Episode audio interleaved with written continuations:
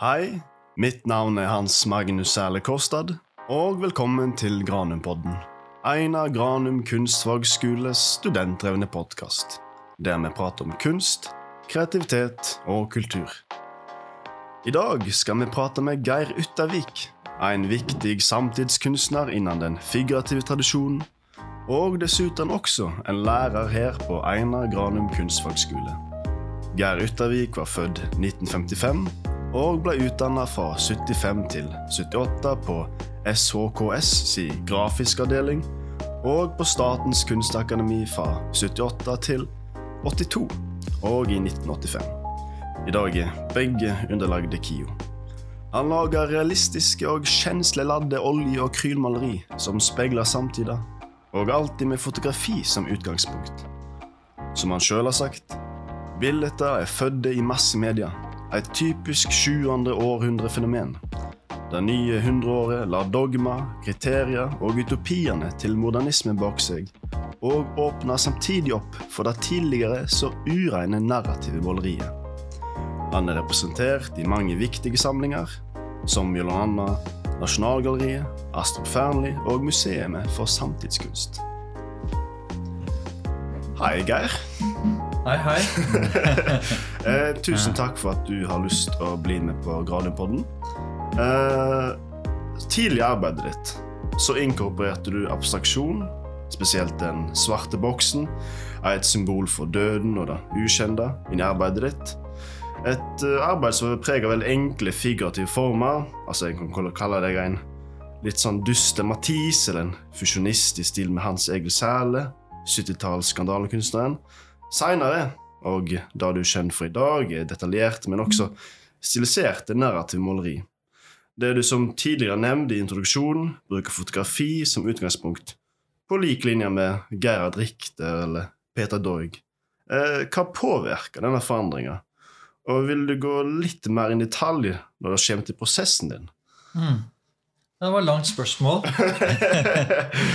men, um, men, jeg syns det var interessant at du begynner med noe som um, som ligger så langt tilbake i tid. Og, og, i tillegg er det et spørsmål jeg aldri har blitt stilt. Den svarte boksen. Som jeg syns egentlig er interessant, fordi det, det gjorde jeg Det bildet lagde jeg Det var tegning. Og jeg gjorde det også litt i maleri. Men det gjorde jeg veldig ubevisst. Jeg gjorde det i en periode hvor jeg liksom ikke forsto at jeg jobba med en dramatisk av en dramatisk historie, som var min historie. Men uh, jeg bare fulgte, følte jeg da, fulgte litt trender i tida. Og, og, og egentlig brukte ganske mye tid på å finne ut hva hvilket formspråk jeg skulle velge etter kunstakademi. Mm. Det var ikke så lett å vite hvordan man skulle Det var veldig mange flinke, flinke, folk, men det var veldig mye fordommer og veldig mye konvensjoner. Og det var veldig, egentlig ganske vanskelig på den tida hvor akkurat de bildene ble lagd. Jeg stilte det ut på utstilling, og det ble vel innkjøpt av Kulturrådet, et sånn svart boks. Men ehm, så det var interessant at når jeg begynte å forstå eh, litt mer hva jeg ville gjøre, og da kom min egen historie mye sterkere inn Det andre var egentlig mer fortrengning. Den svarte boksen representerte kanskje ting jeg ikke ville gå inn i, ikke ville snakke om. Så selv om det i ettertid ser jeg at det handla om døden, men da forsto jeg egentlig ingenting av det jeg holdt på med. Mm. Men det var først etter at jeg hadde liksom sagt ifra til gallerist og veldig mye annet sånn eh, i tida rundt det bruddet med det Ja, det, hva er det du kalte det? Duste... Jeg kalte det en litt sånn duste matis, Ja. For hadde, det veldig enkle figurative former, ja. men uh, liksom monokromt uh, ja, gråtoner. Mm. Så, så det, var, eh, det var eh, Når jeg begynte å liksom å forstå at jeg hadde en historie som, eh, som plaga meg, at jeg ville utforske det litt innafor et billedspråk, da. Mm. Det jo, den tida jeg gikk på Kunstakademi, var så veldig fordomsfull, som sagt, eller styrte konvensjoner. Sånn at jeg kunne ikke male Jeg husker jeg malte et bilde hvor folk Eller var kledd i nåtidige klær. Ja. Olabukse. Jeg hadde malt en eh, som sto i et rom med olabukse på. Og da kom professoren bort og sa at sånn, det passer seg ikke inn eh, i, i bilder, fordi man skal tenke ikke nåtid når man maler bilder, man skal tenke evighet. Så man skulle ikke tegne, male noe som, som kunne tidfeste det til akkurat 1978, da, eller 1979. Det skulle på en måte være noe som skulle ses som uh, like sant i alle tider, egentlig. Mm. Så det var jo så vanskelig egentlig å kunne orientere seg. Faktisk så dro jeg til og begynte å studere middelalderkirker i Frankrike for å mm. finne uh, figurasjon som på en måte jeg tenkte kunne brukes. da. Ikke sant? Nakne skikkelser mm. som ikke hadde klær på, men som var på en måte bare gjort der som, eh, for å uttrykke en eller annen eh, fortelling, kristen fortelling. Ja, for de middelalderfigurene vi ser i kirkene, de er òg veldig sånn forenkla figurativt. Ja, det, er jo et, det er jo langt ifra de der renessanse, superrealistiske skikkelsene vi ser. Ja, og det var jo bare 50 år kanskje, eller 100 år, så mm. var det jo fullstendig Ja, det er helt sant, akkurat den. Mm. Så det, så da, så, men jeg klarte så jeg hadde malte to som ble neseblod, som løp nakne. Eller som halvna, Det var ikke noe kjønnsorgan, så det var jo ikke liksom mm. nakenhet heller. Så, som blødde neseblod. Så det var oh. Så jeg visste at det var noe smerte som skulle ut. uh, uh, som sagt, uh, som jeg sa tidligere, du, brukte, du bruker jo fotografi som utgangspunkt. Mm. Um, og så nevner jeg da Gerd Richter og Peter Doig. Er, er dette mulige inspirasjonskilder, eller noe du kom på sjøl? Eh, som sagt så, så, var det jo noe jeg visste jeg måtte gå inn i, og det jeg brukte, jeg reiste bort. Jeg det var et halvt år i Marokko. Mm. Og da var jeg da, Det første bildet jeg gjorde som, var, som pekte framover, da, det var et et uh, Det var et foto i en avis av noen som kyssa en pokal. Ja. Så det var speilbilde da i pokalen. Det var uh, vunnet verdensmesterskap eller et eller annet. Mm. Husker ikke uh, hvilke uh, sammenheng det var. Så det malte jeg, og da blei jeg så grepet, rørt. At, og jeg blei helt sånn hyper.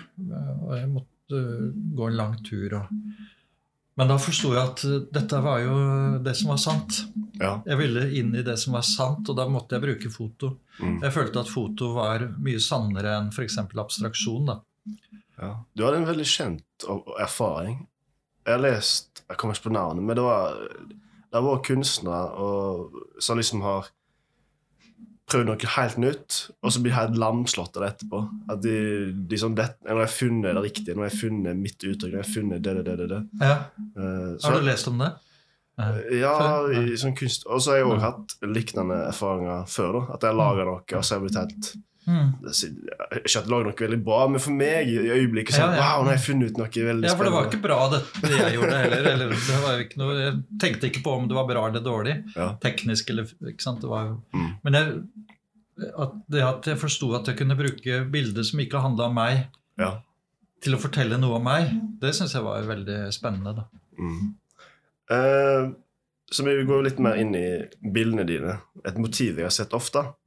Ofte så står figurene dine i maleriene dine med ansiktet vendt mot ei hending, vekk fra betrakteren. Litt som Kasper David Friedrich, ensom romantisk figurer. Men dine er også ofte i sånn større folkemengde. Eh, hva står bak dette valget? Men det er akkurat som du sier, var, inspirasjonen var um, Kaspar, Kaspar, David Friedrich. Ja, var det, ja? ja. okay. Så det var ak akkurat det. Mm som, eh, som, gjorde at jeg fikk lyst til å, å Eller som jeg tenkte at uh, Jeg var på en forelesning, nemlig, og da var det en som uh, en kunsthistoriker som Gunnar Danbolt, som viste fram det bildet, og så fortalte han reaksjonene folk hadde hatt foran det bildet når, det ble vist 1850 eller noe sånt. Og da sa de ja, han står i veien for motivet. Vi, vi, vi, han må jo gå bort. Liksom. Han, han stenger for det vi skal se på. Og det er det jeg tenkte at jeg lager mennesker som stenger for det vi skal se på. Mm. Ikke sant? At uh, de står i veien for hendelsen. på en måte. De står i veien for det ubehagelige, eller det som jeg ønska i hvert fall uh, veldig lenge. At uh, det skulle være en At de En ting var at de var anonymisert, da, men en annen ting var at de var i veien for noe. Eller at de Det var jo Eh, flere ting i de bildene, da, som, fordi de, har, de, er ikke handlende, de er passive. Mm. De, bare, de, er betraktere. Mm. Og det syns jeg Det at de ikke reagerer eller ikke er passive tilskuere til et eller annet som ikke vet helt hva er, de, de leter ikke, de redder ingen, de bare står og ser. Ja. Og det syns jeg eh, var kanskje noe som jeg følte også som handla mye om meg selv. da, At jeg hadde vært en passiv jeg hadde vært passiv på en måte i min, mitt eget liv. Mm. Så litt uh, meg selv. Men så hadde jeg også lest han Ray, en science fiction-novelle av Ray Bradbury som uh, handla om uh, Det var de samme menneskene som sto det var bilulykke, og så var det en som så at det var de samme menneskene som dukka opp til alle ulykkene. Det var egentlig de døde som dukka opp. Så det var mange sånne ting som eh, man leser litt her, og man hører litt der, og man liksom formes litt ut fra, fra mye av det som, som kanskje ikke er tatt fra meg, men påvirkningen er fra mange. Mm. Men den viktigste var akkurat den forelesningen jeg var på med han Mm. Kaspar David Friedrichs. Det Ja. var veldig bra eh, registrert. Mm. Eh, og eh, eh, disse romantiske bilder til eh, Friedrich Det er jo alltid en, en, en betrakter av det sublime, sant? Av Mm. naturen. Og det som blir med, trenger ikke nødvendigvis være det vakre. Det kan òg være det litt sånn skumle, tragiske, ukjente. Mm. Og det er jo en litt sånn eh, rød tråd i Mm. ditt uh, øvre, sant. Uh, for du hadde jo en ganske sterk oppvekst, som da utdypa på kunststykket. Uh, kan kunst da være en måte for katarsis? Kan det være helbredende? Ja, veldig godt spørsmål, fordi det er jo en periode også hvor man ikke skulle blande eh, det personlige og, og det terapeutiske da, inn i kunsten. Men jeg mener så klart at det er legende. Ja. At det, at det gjenkaller oss Eller igjen eh, Det som, veldig, som er spesielt når man maler, er at man ikke føler eller tenker. Man bare maler. Mm. Man ser hva som passer, og hva som, som trengs i bildet. og sånn, Så tenker man aldri over hva, hva det er man egentlig dypest sett uttrykker. da. Men når jeg ser på bildet når jeg malte, så kan jeg gjenoppleve øh, hendelser i mitt eget liv som jeg tenker den gjenopplevelsen gjør det mer og mer ufarlig, eller mindre og mindre farlig. Mm. Så, så jeg, på en måte så det en, har det en veldig sånn terapeutisk rolle ja, Det er terapeutisk. Når du går til en terapeut, da, en psykolog, så er jo det disse gjentagende tingene at du kommer dypere og dypere. Du sier det samme, men du kommer dypere og dypere allikevel. Mm. Og det tenker jeg litt med mitt eget arbeid. At det, smerten i mitt liv har vært så stor at jeg, har brukt, jeg har brukt veldig veldig mange år på å, å gjennom bildene da, og, og bli fri for det. Ja. Traumefri. Ja. Og min eh, kunsthistorie er ikke perfekt, da. Men inntrykket mitt er at på 60-70-tallet, 80, når du studerte, så var liksom at det kunst skulle være litt uten følelser. Det skulle være riktig og formelt. Men så dukker plutselig opp de nye ekspresjonistene på nytt igjen. Iallfall i New York med Basquiat og den gjengen. Så plutselig har du lyst til å utforske følelser. Og, Mm. og i Sverige med han Kullberg og Så Mm. var det en del av sightgeisten å plutselig bruke det figurative til å utforske igjen Mm. det indre. Mm. Det er helt riktig som du sier, fordi det var jo så klart akkurat på begynnelsen av 80-tallet der at det skjedde veldig mye i kunsten. øh, med veldig, de som inspirerte meg kanskje mest, var en del skotske malere, og så var det som jobba figurativt. En som heter Stephen Campbell. Og så var det en del italienske kunstnere som inspirerte meg veldig. Men det som de inspirerte meg til, var å se mer på kunsthistorien. Mm. Fordi veldig mange begynte å bruke barokken eller, eller eh, renessansen også. Jeg husker jeg leste en, eh, en oversikt over hvilke kunstverk kunstnere ville ha på veggen hjemme. Mm. Kjente kunstnere, da. Og nesten alle enten valgte pop art eller renessansen. Mm. Så det var ikke For renessansen har jo mye fortelling. Ja. Og det er det som jeg tenker uh, passa meg veldig godt. Da. Så jeg begynte å gå mer tilbake til røttene, da, til renessansen, og se på fortellingene der. ja. For du er jo en veldig narrativ maler. Ja. Mm. Så jeg har jo skrevet uh, opp gjennom uh, liksom, i perioder uh, ulike tekster og sånn som jeg har fremført. Og har hatt i katalog eller et eller annet. Mm. Som jeg syns har vært veldig fascinerende. Men det som er, er med de tekstene, er at er, jeg bare ljuger.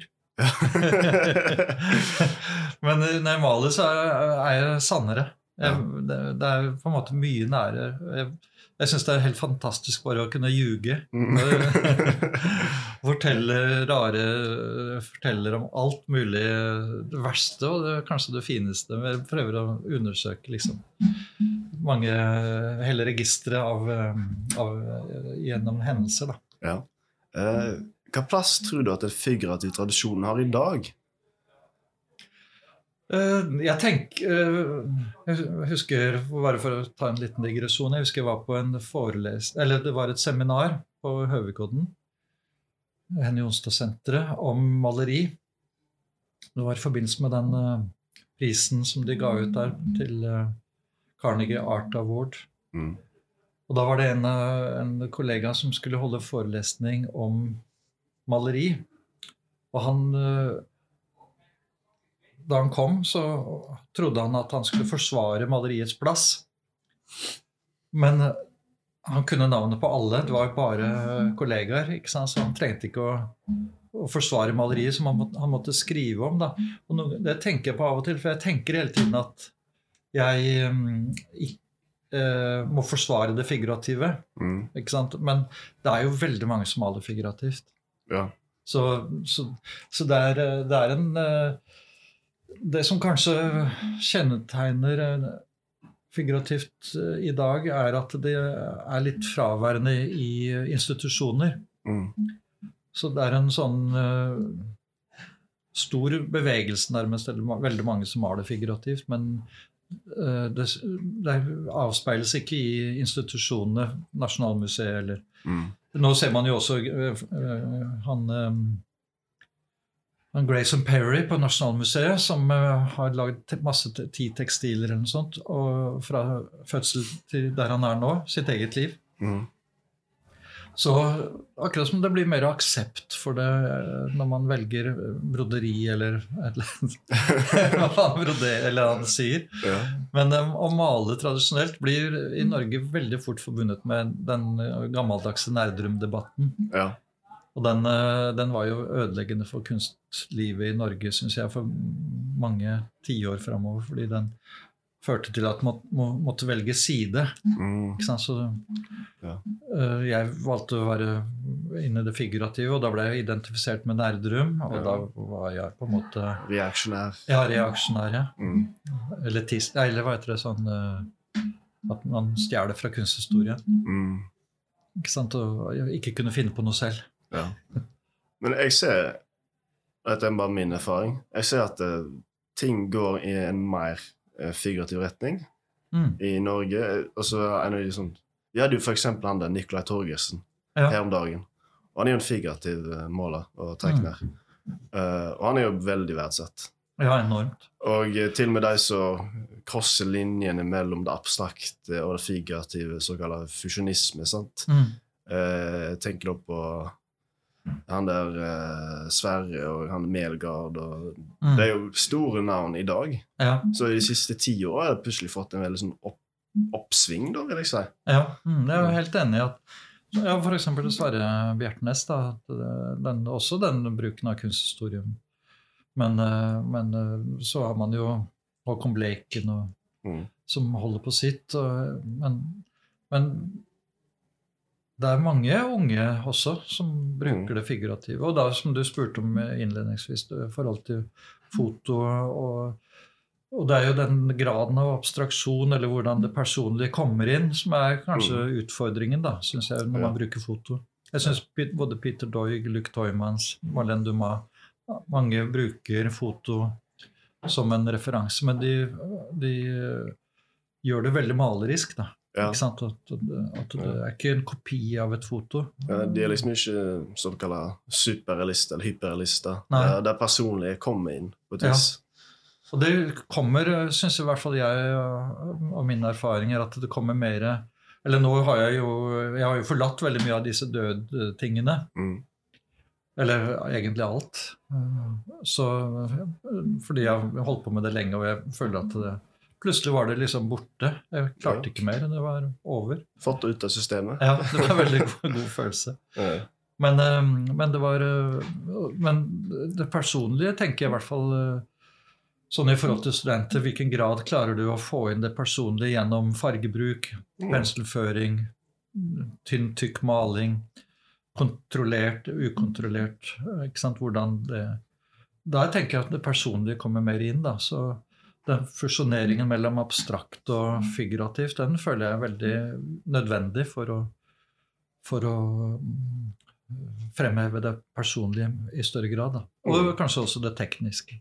Mm. Ja, for nå har jeg litt lyst til å spørre deg eh, For nå har jeg sett mange av bildene dine. Veldig tidlig arbeid, og arbeid ganske nylig. I hva retning eh, går du nå? Ja, de har jo begynt å øh, liksom høyne blikket litt og se litt utover. da, Se hva som foregår i verden. og mm. Samtidig som jeg har sett også andre kunstnere som har inspirert meg, som jeg, en, en greker som jeg ikke husker navnet på. og flere andre men, eh, som jeg ikke heller husker navnet på. Men, men eh, som eh, ikke sant, Hvite middelaldrende menn. Det er ikke så lett å være kunstner. fordi Veldig synd på dere. ja, ja, det er vel, det er altfor bra altfor lenge. egentlig. Så, men eh, Nei, det er ikke synd på Men det er, ganger, det er litt vanskelig å finne ut hva man skal gjøre. For jeg føler nå at eh, jeg har blitt identifisert i hvert fall eh, i lang tid med død og ulykker. Men jeg prøvde å finne ut nye måter å fortelle om mitt liv, eller kanskje den vestlige middelaldrende mannen, da. Ja. Og da, så jeg holder på å jobbe litt med det. Mm. ja, for altså i 2023 så skal du ha en separatutstilling på Kristiansand kunsthall. Et stort og lyst lokale. Eh, har du tenkt litt ut hva du skal stille ut der? Og, ja, hvordan er prosessen? Altså Foretrekker du å styre regien sjøl, eller samarbeider du med en kurator? Ja, det også er egentlig veldig bra spørsmål, fordi jeg vet egentlig ikke. For det var meningen at det skulle være en kurator, Mm. eh, som, men så flytta han eh, til Spania og, og bare rir. Han eh, tenker ikke så mye på kunst i det hele tatt. Så han, men han, jeg skal dra og besøke ham, og så skal vi snakke sammen til uka. Mm. Men han skulle være kurator, og han hadde lyst til å lage et prosjekt, bruke meg da, inn i sitt liksom, narrativ, for å si det sånn. Han er jo forfatter, han som, eh, Hans Petter Blad heter han. Han, eh, han ville lage en fortelling om uh, trygghet og utrygghet. Mm. Eller safe house og, og et eller annet annet. Han ville liksom øh, Han vil skrive, eller han skal skrive, det har han jo forplikta seg til, men han ville styre da utstillingen tematisk gjennom øh, et eller annet øh, gruppering og liksom tematisere ulike uttrykk i bildene, da. Mm. Men så har han jo forsvunnet. så nå bare maler jeg. Eh, Ja. Eller nå har jeg, nå må jeg jo det er, lenge- det er, Jeg har jobba fire uker nå på Granum, og da har jeg ikke malt i det hele tatt. Mm. Ja, du maler veldig sakte. Det går veldig Og bruker lang tid. mm. Eller egentlig så har jeg tenkt nå at jeg skal male veldig fort. Mm. Så lader, Nå bruker jeg mye mer tid på å lade opp egentlig, og så bestemme hvordan bildet skal se ut i forkant. Lage litt uh, skisser. Og så har jeg lyst til å fremheve kanskje det som du nevnte i stad, det mer abstrakte eh, Det sublime er jo på en måte litt sånn mot eh, rasjonalitet. Og jeg føler meg veldig lite rasjonell, egentlig. så jeg maler Jeg har lyst til å male, vise enda mer maleglede, rett og slett. Ja. For jeg er veldig glad i å male. Ja, få ut strøkord, få ut teksturen. Ja, ja sånne ting. Så egentlig så, så har jeg kommet til et sted hvor jeg eh, både har løfta blikket litt og ser, men, men også at jeg, jeg liker egentlig mye Jeg syns det er veldig gøy å male. Mm. Så, så foreløpig så er det tematisert rundt uh, gamle menn som trenger hjelp av unge for å komme seg på beina. Mm. Og så holder jeg på med en sånn lang serie da, på 100 bilder med, med sånn party eh, is over. Så det er på en måte litt sånn eh, Kanskje mitt, min fest er Glasset er drikket, drukket opp. Mm. Det er liksom ikke moro igjen. Nei. Nei. Så det er, det er liksom Jeg føler moroa må jeg lage selv i atelier. Det, Mm. det er ikke å løpe på byen og drikke og herje og Mm. hjemme på morgenkvisten. Og, Ja. Eh, har du noe, før vi eh, klokker av, har du noen tips til de som i dag, kunststudenter, som har lyst til å jobbe innen den figurative tradisjonen? Ja, så klart eh, som lærer så blir man jo veldig oppmerksom på hvilke potensial som ligger i, i fremdeles i maleriet, Mm. og i fremdeles i, i, i valg av motiv og i forhold til det figurative. Det som jeg, jeg har jo vært veldig sånn opptatt av kunsthistorien og sett veldig mye der og brukt foto kanskje, men mest kunsthistorien. Så råd må være at man både følger interessene sine, men at man våger å presse grensene for hva man tenker er riktig, eller hva som er lov, eller Mm. at man eh, over, over, Jeg er litt, begynt å bli litt tilhenger av overdrivelsen. Jeg syns det er veldig fascinerende med å overdrive eh, enten i den ene eller andre retningen. da. Være Mm. gal nok, eller Eller liksom eh, være leken Ja. nok. Så mitt råd er å egentlig være litt grenseoverskridende Ja. i eget arbeid, og så Mm. satse 100 ja. Da ser jeg for meg at uh, dine arbeid i framtida kommer, kommer til å være litt mer ekspresjonistisk og litt mer uh, crazy, da, rett og slett. Ja, rett og slett. Det er det jeg håper på, i hvert fall. For det er jo alt oppi huet mitt men uh, Mm. foreløpig. Men eh, jeg håper at jeg ikke feiger ut og begynner å, Ja. å bli litt sånn redd for reaksjoner. Og Ja. at, at jeg har slurva. Det er jo Ja. noe av det verste noen kan si til meg. Ja, for du har, jo- du har veldig stor teknisk ferdighet. Om vi ser på maleriene dine, så man ser at du har et øye for detalj. Mm, Så nå skal, ja, du, nå skal du plutselig utfordre deg sjøl og gi litt blanke faen. ja. ja, rett og slett. Så, men jeg veit at det er tøft. Jeg syns jo det er modig å, som lærer da, på Granum. Så jeg blir jo så glad av så mange som ønsker å satse på å bli kunstner, eller satse på kunstveien. Men jeg forstår også de som, ikke, som trekker seg og ikke velger den veien. Men, Mm. men, eh, men jeg, jeg blir jo veldig glad av, av at folk tenker at det fins en mulighet i å gjøre det. Mm. At de, de velger det for å At de tenker at det er eh, et liv der som kan være bra, til tross for at det kanskje er litt økonomisk usikkerhet. Og. Mm. Men uansett så er Norge det beste landet i verden å være kunstner i. Ja. ja. Det, jeg tror det er desidert verdt det. Jeg tror det er desidert verdt det. Og jeg tror de svelger velger å gå inn i kunsten Jeg vet mange elever, eh, studenter her, eh, spesielt andre år, som begynner å få den erfaringen at dette kan bli tøft, Mm. vanskelig, som sagt, økonomisk usikkerhet og Mm. eh, men at det likevel er verdt det. Mm. Mm. Ja. Det er jo utrygt uansett, kanskje. Ja. Så det beste man kan gjøre, er å, å ja, finne noe som gir mening Mm. der og da. Ja. Men jeg, for meg har kunst, livet kunsten vært veldig meningsfylt. Men jeg tror jeg hadde vært en helt annen kunstner uten å være lærer Ja. også. For jeg tror den uh, hele tiden kontakt med studenter har ført meg til å undersøke litt mer liksom, kunstverden, kunstlivet. Men også stå for det jeg sier. Mm. Ikke sant? Jeg må ha gjort det jeg forteller. Mm. Så jeg må, og så må jeg jo ikke si at dere må gjøre dette her fordi det gjorde jeg.